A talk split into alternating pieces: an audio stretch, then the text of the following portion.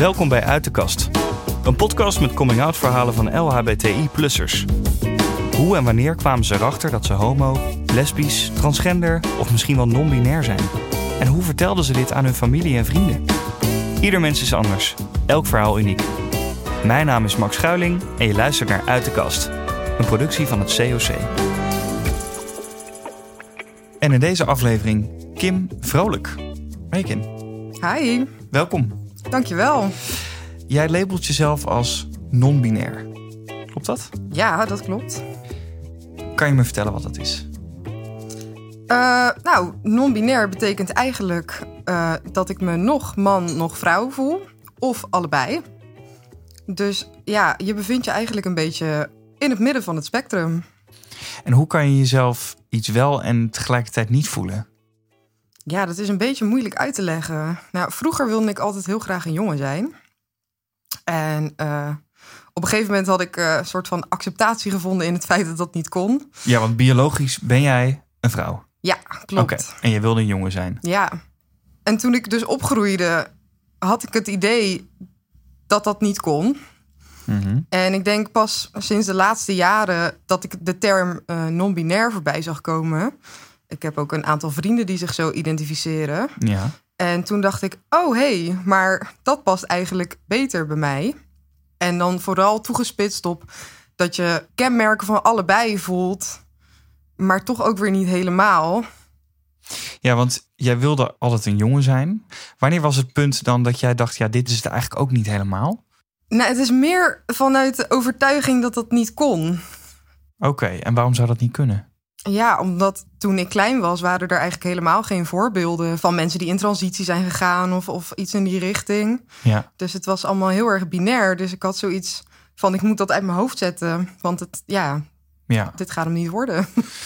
En toen zag jij de term non-binair voorbij komen. Wanneer was dat?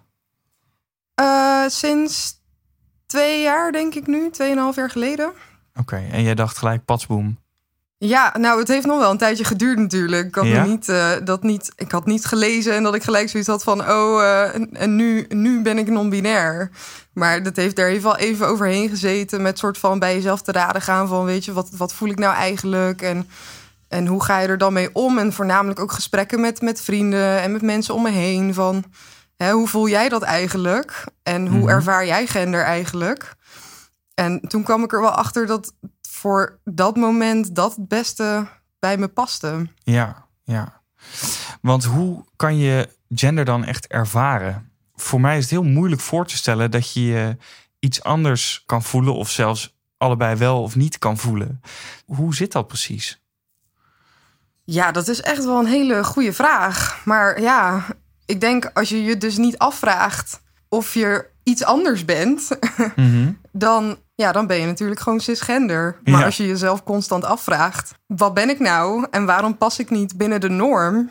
Ja, Ja, dan denk ik dat je bij jezelf te raden kan gaan van, oh, misschien ben ik wel trans op de een of andere manier. Mhm. En als je zegt, ik voel me zowel man als vrouw, heb je dan van beide genders bepaalde karaktereigenschappen en hoe is dat dan ingedeeld?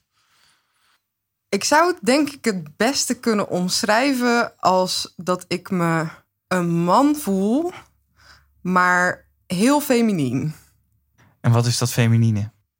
In, dat gaat dan voornamelijk over genderexpressie en hoe ik me uit eh, qua kleding, maar ook eh, gedra- bepaalde gedragingen Ja. die eh, door de maatschappij als, als feminien worden ervaren. En op welk geslacht val jij? Ja, ik val op alle genders eigenlijk. Ik heb, niet, ik heb wel een voorkeur, voornamelijk voor, voor vrouwen of eh, mensen die vrouwelijk zijn. Ja, Eh, dat heeft weer, denk ik, meer te maken met wat ik heb meegemaakt in mijn leven dan dat het echt zo, zo zou zijn. oké. Want als ik vragen mag, wat is dan datgene wat je hebt meegemaakt? Ja, gewoon met, met, met mannen en vooral eh cis-hetero mannen. Mhm. ja, je komt als je als vrouw opgevoed bent, toch al heel snel in situaties die, die gevaarlijk kunnen zijn. Wat voor gevaarlijke situaties heb je dan over? Ja, eh, nageroepen worden op straat. eh, Mhm. Ja, er zijn honderd dingen die, die denk ik iedere vrouw denk ik wel eh, mee heeft gemaakt. In de club hè, bij je bil gegrepen worden. Het is Ja. een, een kleine greep uit, uit de tales of what it is to be a woman. ja. En door, door dat soort ervaringen of door een specifieke ervaring had jij het idee, ik val op vrouwen? Nee, ik denk dat dat was natuurlijk altijd al wel aanwezig. Het is niet door die ervaringen zo gekomen. Nee. Het, dat was altijd wel. Maar ik denk wel dat voor mij persoonlijk de voorkeur meer ligt bij vrouwen, omdat zij hm. niet gevaarlijk voor mij zijn. Ja, oké. oké. Maar puur seks gezien zou je dan qua seksualiteit misschien biseksueel ja, noemen? Ja, ik noem het zelf uh, panseksueel, om daarmee uh, alle genders er een beetje bij te betrekken. Maar uh, biseksueel is ook gewoon prima hoor. Panseksueel, wat is precies de definitie daarvan? Dat je je aangetrokken voelt tot alle genders. Oké. Dus man, vrouw, maar ook alle genders die, die, die daar nog tussen zitten. Precies, en non-binair, misschien transgender ook. Ja, ja. Hey, even naar jouw eerste coming out. Wat was die coming out en hoe heb je dat gedaan? Ja, het was heel grappig, want op de basisschool had ik niet het idee dat ik per se een andere seksualiteit had.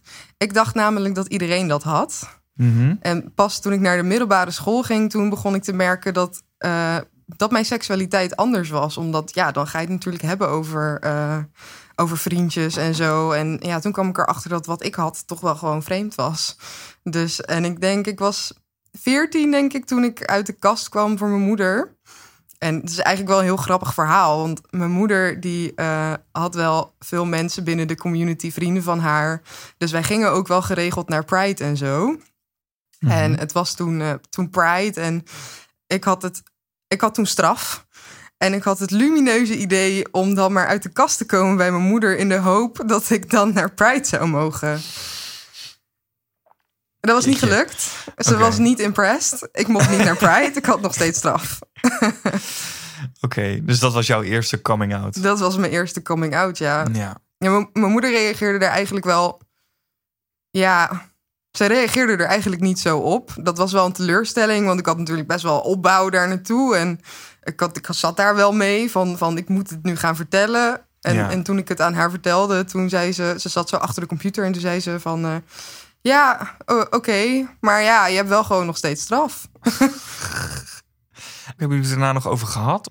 Ja, het is niet, thuis niet echt een, eh, een issue geweest. Uh... Wat had je gehoopt voor reactie? Ja, ik weet niet. Misschien een soort van erkenning van dat het een struggle zou zijn voor mij. Ik denk dat ik daarop gehoopt had. Dat er iets meer erkenning in zat van...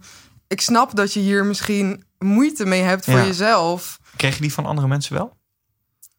Nee, ja, we, we praten er eigenlijk niet zo heel veel over. Het was gewoon oké en normaal. Maar ja, omdat het in de samenleving, in de maatschappij natuurlijk niet zo normaal is, komen, het kwam wel met een hele set van uh,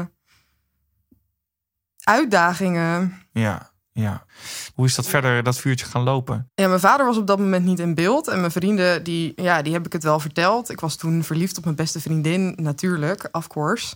uh, en die heb ik het ook verteld. En die zei ook gewoon, ja, weet je, dat is prima. En uh, ja, geen problemen mee eigenlijk. Nee. Is het, nog, is het wel je beste vriendin gebleven? Nee, nee. Ik woonde toen in het buitenland. Dus, uh, en ik ben weer oh, terug verhuisd naar Nederland. Dus uh, we zijn uh, zeker wel uit elkaar gegroeid. Ja, ja. Maar goed, dat was dus het punt dat jij eigenlijk oud in die open een biseksuele vrouw was. Ja. En hoe lang heeft dat geduurd? Ja, ik denk toch wel tot, ja, ik denk, ja, 2,5 jaar geleden. Hm tot 2,5 jaar geleden, tot je eigenlijk doorhad uh, dat je non-binair ja, ja, ik ben, ik denk, vier jaar geleden weer terug verhuisd naar Nederland. En toen heb ik heel erg mijn best gedaan om in contact te komen met, met de community hier. Omdat ik, ik miste dat heel erg. Ik woonde in Gran Canaria op een klein eiland. En daar was er is wel een community, maar niet, het is niet zoals in Nederland. Het is allemaal heel kleinschalig en het is hm. vooral toegespitst op mannen ook. Dus er is heel oh weinig uh, uh, variatie in hoe bedoel je toegespitst op mannen? Dat de, dat de cultuur daar is erg toegespitst op mannenliefde. Ja. Dus er zijn geen lesbische barren of iets in die richting. Er was er ooit één, maar. Hmm. En, en, en de lesbiennes die er dan waren, die waren ook alweer op leeftijd. Ja. Dus zeker voor iemand van mijn leeftijd, ja, ja. er was daar gewoon niet zoveel. En dan was er eigenlijk jouw tweede coming out, 2,5 jaar geleden. Ja. Ja, hoe ging dat? Ja, het is eigenlijk heel snel gegaan. Is eigenlijk wel in een sneltreinvaart uh, gelopen. En voor, voornamelijk omdat ik echt een hele grote community om me heen kreeg met allerlei verschillende mensen. In de eerste instantie via de Hangout 070 en daar heb ik heel veel mensen leren kennen en ontmoet. En, en zo ben ik ook weer uh, bij de Hangout 010 terechtgekomen in Rotterdam. En in Rotterdam is de community ja, heel erg sterk met elkaar verbonden. En je komt echt in een warm bad terecht. En er is zoveel er zijn zoveel verschillende mensen. En het is echt heel fijn dat ik een hele hechte vriendengroep ook uh, heb gekregen. Mhm. Ook mede daardoor. Dus er was ineens veel meer ruimte om te gaan ontdekken en om te spelen met gender. En wat is dat dan? En hoe, hoe zit je dan in je genderexpressie? En, maar het gaat al om kleine dingen zoals je verkleden of op een, op een feestje komen Ja, en je dan ja, verkleden en ja. je mooi aankleden. En ja, en vooral door de voorbeelden van andere mensen in mijn directe omgeving, dat het mocht en dat het ook kan en dat het niet raar is per se om daarmee te willen experimenteren. Want wat is dan dat experiment op het gebied van je kleden? Ja, de pruiken dragen en zo bijvoorbeeld. Of gekke make-up. Of gewoon eens kijken van... ja, als ik dit op mijn gezicht smeer en ik doe eens dit... Wat, hoe voel ik me dan? Ja, en ja, ja. hoe zie ik er dan uit? En wat vind ik dan van mezelf? Hmm. En is er een bepaald moment waar voor jou echt duidelijk was: ja, nu denk ik echt te weten in wat voor hokje ik val? Is dat echt één moment geweest waarop je dat door had? Nee, ik zou ook nu niet met zekerheid kunnen zeggen... dat dit het hokje is waar ik me dan zal, mee zal blijven identificeren... voor de rest van mijn leven. Ik denk wel dat daar, dat daar nog variatie in kan komen... en dat het nog kan veranderen naarmate dat ik ouder word... en hè, misschien weer nieuwe dingen ontdek over mezelf en over wie ik ben. Het laatste tijd zit ik heel erg te denken om misschien toch in transitie te gaan. In de eerste instantie wilde ik dat helemaal niet. En Hmm. nu begin ik toch steeds meer de behoefte te voelen. Dus ik, ja, ik, ik weet het niet. Het is echt nog wel een open boek. En eh, als je zegt in de toekomst verandert dat misschien, verander jij dan als mens of veranderen de hokjes of veranderen vooral het beeld wat je van jezelf hebt? Ja, ik denk dat het voornamelijk is hoe ik over mezelf denk. En dat hoe meer vrijheid je hebt om ook lekker in je vel te zitten, hoe meer je dus ook de kans krijgt om te Om onderzoeken. vrij te denken. Ja, ja. Maar kan je dan ook zeggen dat je er misschien nog helemaal niet uit bent? ja, zeker. Ja, ik denk zeker dat ik wel kan zeggen dat ik er nog niet helemaal uit ben. Maar voor nu denk ik dat dit wel het beste bij me past voor het, voor het moment dat ik nu leef. Ja. En zou je, vind je het niet vervelend om dan misschien straks weer een coming out te doen? Of misschien wel twee keer nog?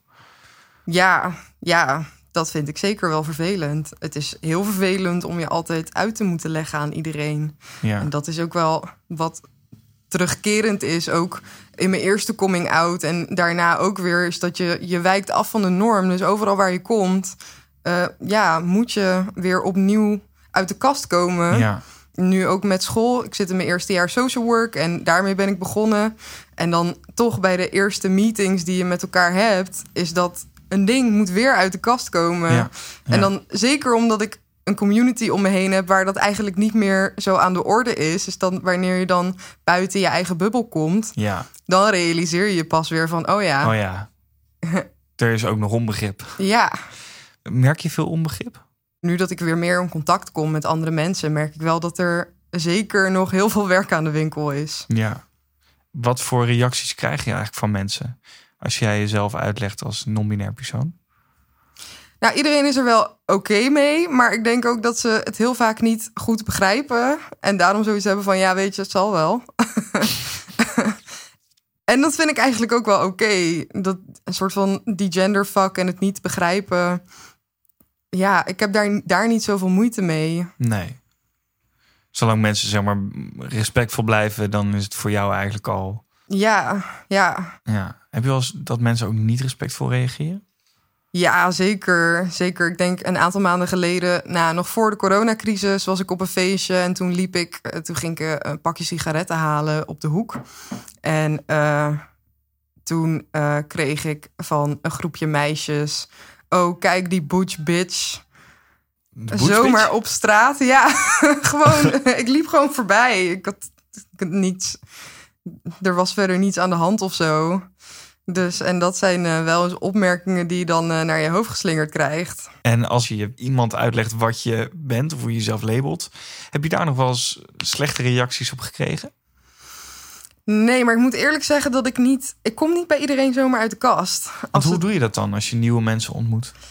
als het niet nodig is, dan praat ik er niet over. En alleen als het echt ter sprake komt en, en, en het is nodig om omdat er iets gezegd wordt wat betrekking heeft op mij of wat betrekking heeft op de Ja. groep waar ik toe behoor, ja, dan kom ik wel uit de kast. Maar als het niet nodig is, dan ja, dan jij ziet mij gewoon als mens. Ja, En ja, wat je daarvoor labeltje aangeeft, dat interesseert me dan niet zoveel. precies. Dus je hebt niet de hele tijd de behoefte om iemand uit te leggen wat je gender is of eh, hoe je seksualiteit in elkaar zit. Nee, maar dat is ook hartstikke vermoeiend, joh. Ja, dat lijkt me ook eigenlijk wel.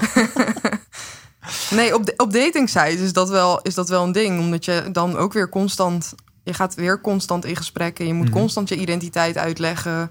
Waar, ja, waardoor online daten voor mij wel een beetje...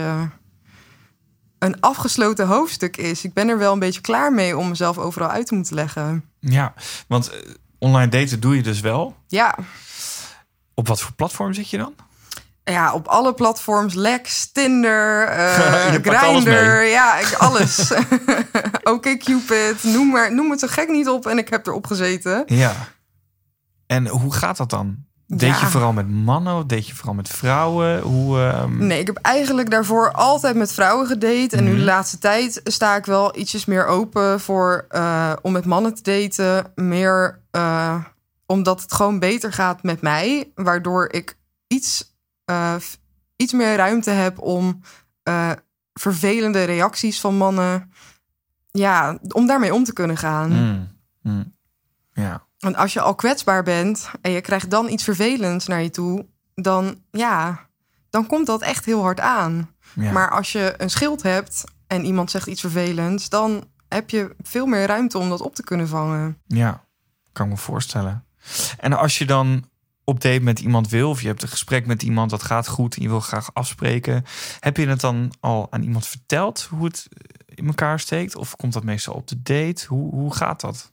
Ja, vaak wel. Vaak wel in de gesprekken die je eerder met elkaar hebt, eh, heb ik het dan wel al verteld. Maar ja, zelfs als ik het al verteld heb, dat wil niet altijd zeggen dat die persoon het goed begrijpt. En je ziet voor wie je bent.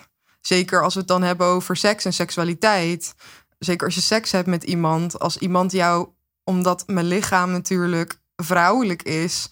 Als iemand, als je, je kunt het merken als je non-binair bent en je hebt seks Mhm. met iemand die jou, die ondanks dat ze zeggen dat ze er wel oké mee zijn of dat ze het begrijpen, de manier waarop ze naar je lichaam kijken, daar kan je heel makkelijk uit opmaken of iemand het wel of niet begrepen heeft. Ja, want jij bent non-binair. Je lichaam is natuurlijk vrouwelijk. Dus vrouwen en mannen zullen misschien eh, jou seksueel interpreteren als vrouw. Ja. Ja, dat is heel lastig. En ja, in, ik heb nu wel een paar keer al meegemaakt dat, eh, dat dat echt wel een dealbreaker is. Dat ik daar, daardoor niet meer eh, dat iemand heel leuk kan zijn, maar dat dat, dat de reden is om, om er dan mee te stoppen. Ja, want hoe ging dat dan? Wat was er, wat was er precies voorgevallen? Ja, ik zou niet per se zeggen dat er echt iets is voorgevallen. Mhm, maar ik- mhm. het is gewoon de manier waarop je aangeraakt wordt. De manier waarop iemand naar je kijkt. Daaraan merk je gewoon dat diegene vastzit in zijn idee van hoe jij eruit ziet. Van, van jouw genderrol. Mhm. Hoe zou het voor jou fijn zijn? Ja, ik heb een ex-partner gehad die daar wel heel goed mee omging. En zeker toen ik nog net in die zoektocht zat en daar heel erg mee strukkelde, was er voor mij heel veel ruimte om ook eh, in bed alle vormen van genderrollen eh, te onderzoeken. En daar heel veel vrijheid in te krijgen. En dat was echt heel fijn, want daardoor weet ik nu wel van wat ik wel en niet leuk vind en wat wel en niet oké is. Ja, ja. Het lijkt me ook lastig om het in één keer goed te hebben. ja. Dus one-night stands lijken me dan best wel, best wel lastig. ja, ik heb geen eh, one-night stands. Nee. Seksualiteit is dan echt iets wat je samen moet gaan uitvogelen van hoe werkt het voor ons allebei. Ja, zeker. Ja, ja vaak eh, moeten daar eerst gesprekken aan vooraf gaan. Maar ik denk dat het sowieso in zijn algemeenheid goed is om daar eerst gesprekken over te hebben. niet, alleen, uh, niet alleen in mijn geval. Ja. Hoe lang duurt het voor je dat je iets samen zo hebt uitgevogeld? Ja, dat, dat kan heel snel zijn. Als, het, als ik met iemand ben die ook non-binair is, dan zijn we snel uitgepraat. Maar ja, als het iemand is die en cis is en misschien uh, nog nooit een lesbische relatie heeft gehad of iets in die richting, ja, dan eh, komen daar wel iets meer gesprekken aan. Wat is cis precies? Uh, cisgender is iemand die oké is met het gender wat uh, hen toegewezen is bij de geboorte. Oh ja, dus ik ben cisgender. Ja. Oh ja, oké. Okay. nou, leerpuntje. Hoe oud ben je eigenlijk? Ik ben 24. Ja, mij kom je over als een super uh, zelfverzekerde persoon. Is dat altijd zo geweest? Nee, nee, dat is zeker niet altijd zo geweest. En ik ben vroeger heel onzeker geweest. Echt heel onzeker. En ik durfde eigenlijk helemaal niks. En ik durfde ook niet met die mensen te praten, überhaupt al. En uh, ja, gelukkig is dat wel veranderd. Maar dat is niet altijd zo geweest. Ben je ook gepest vroeger? Ja, ja, ik ben uh, heel veel gepest. Ik ben natuurlijk gepest om, uh, om mijn seksualiteit, maar ook om mijn genderexpressie. Omdat ik vroeger toch nog wel uh, aangezien werd voor een jongen vaak. En ja, dat was, wel een, dat was wel een dingetje op school. Voornamelijk nog op de basisschool. Mijn, het laatste jaar groep 8 van de basisschool. Ja. Werd het echt uh, wel echt heel erg. En wat, wat is echt heel erg? Ja, ik zat eigenlijk altijd alleen. En ik deed altijd alles alleen. En ik had niet zoveel vriendjes en zo op school. Want ja... Hm je hoort er gewoon niet zo bij. Nee, en wat deed dat met je? Ja, heel veel eenzaamheid natuurlijk. Ja, je voelt je gewoon echt heel eenzaam in, in zo'n situatie. Omdat je, je wilt wel verbinden met andere mensen. Maar als dat de reactie is die je krijgt, dan ben je toch al snel geneigd om ook op jezelf te blijven. Ja, hoe ben je dan, dan toch uitgekomen? Ja, dat is wel grappig. Maar ik denk doordat op de middelbare school begon ik andere vrienden te krijgen. Die, uh, en later uh, is een groot deel daarvan ook. Had, had ook een andere seksualiteit. En daar, dat wisten we nog van elkaar niet op de middelbare school. Maar later kwamen we erachter dat er toch wel veel meer queers onder elkaar waren dan, dan in de eerste instantie gedacht. Ja.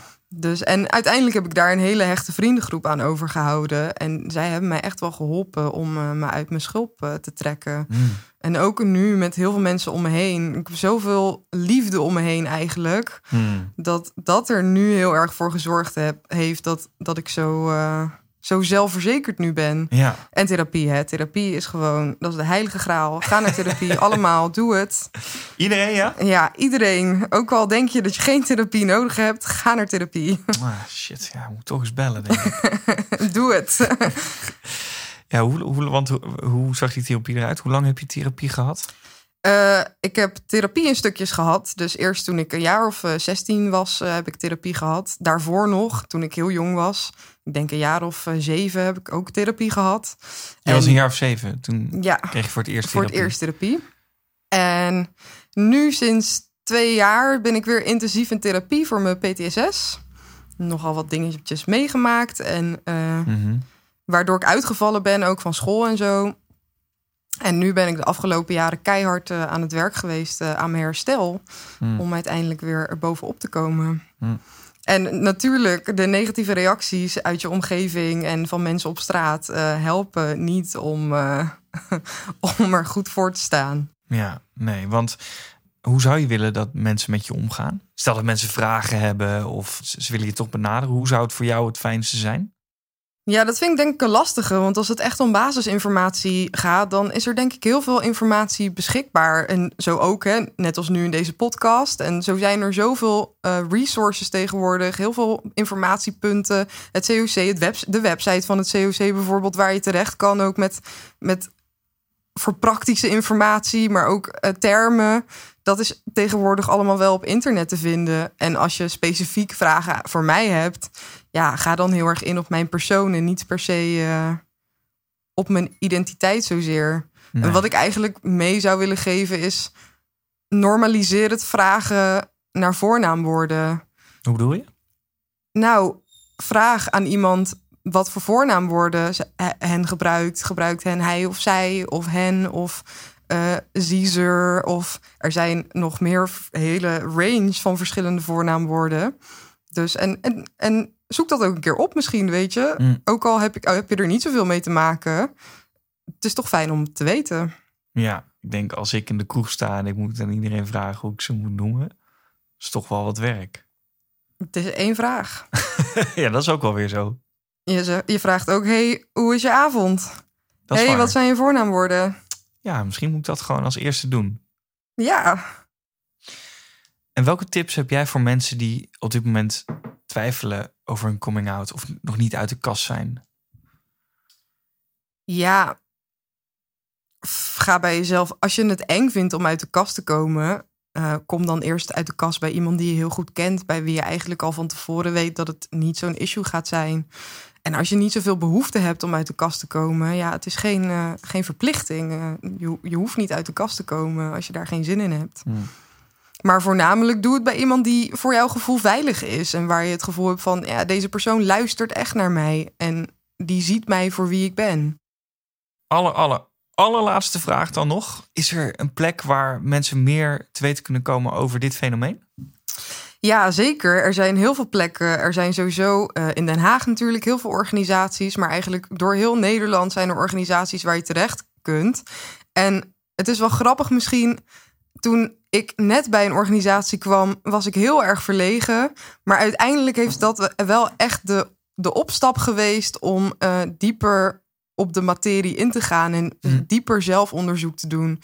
Dus hè, bijvoorbeeld bij het COC of bij de Hangout 070 of ja, er zijn er zijn zoveel organisaties waar je terecht kunt met je vragen en waar je direct persoonlijk met iemand kunt praten, waar je dus niet alles maar zelf uit hoeft te zoeken, maar waar je echt iemand kan, met iemand kan praten die eh, weet waar je het over hebt.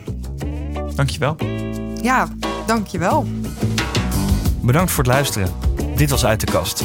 Een productie van het COC, de Nederlandse Belangenvereniging van LHBTI-plussers. Ben je fan van Uit de Kast? Laat dan een rating achter, zodat meer mensen de podcast kunnen vinden. Tot de volgende.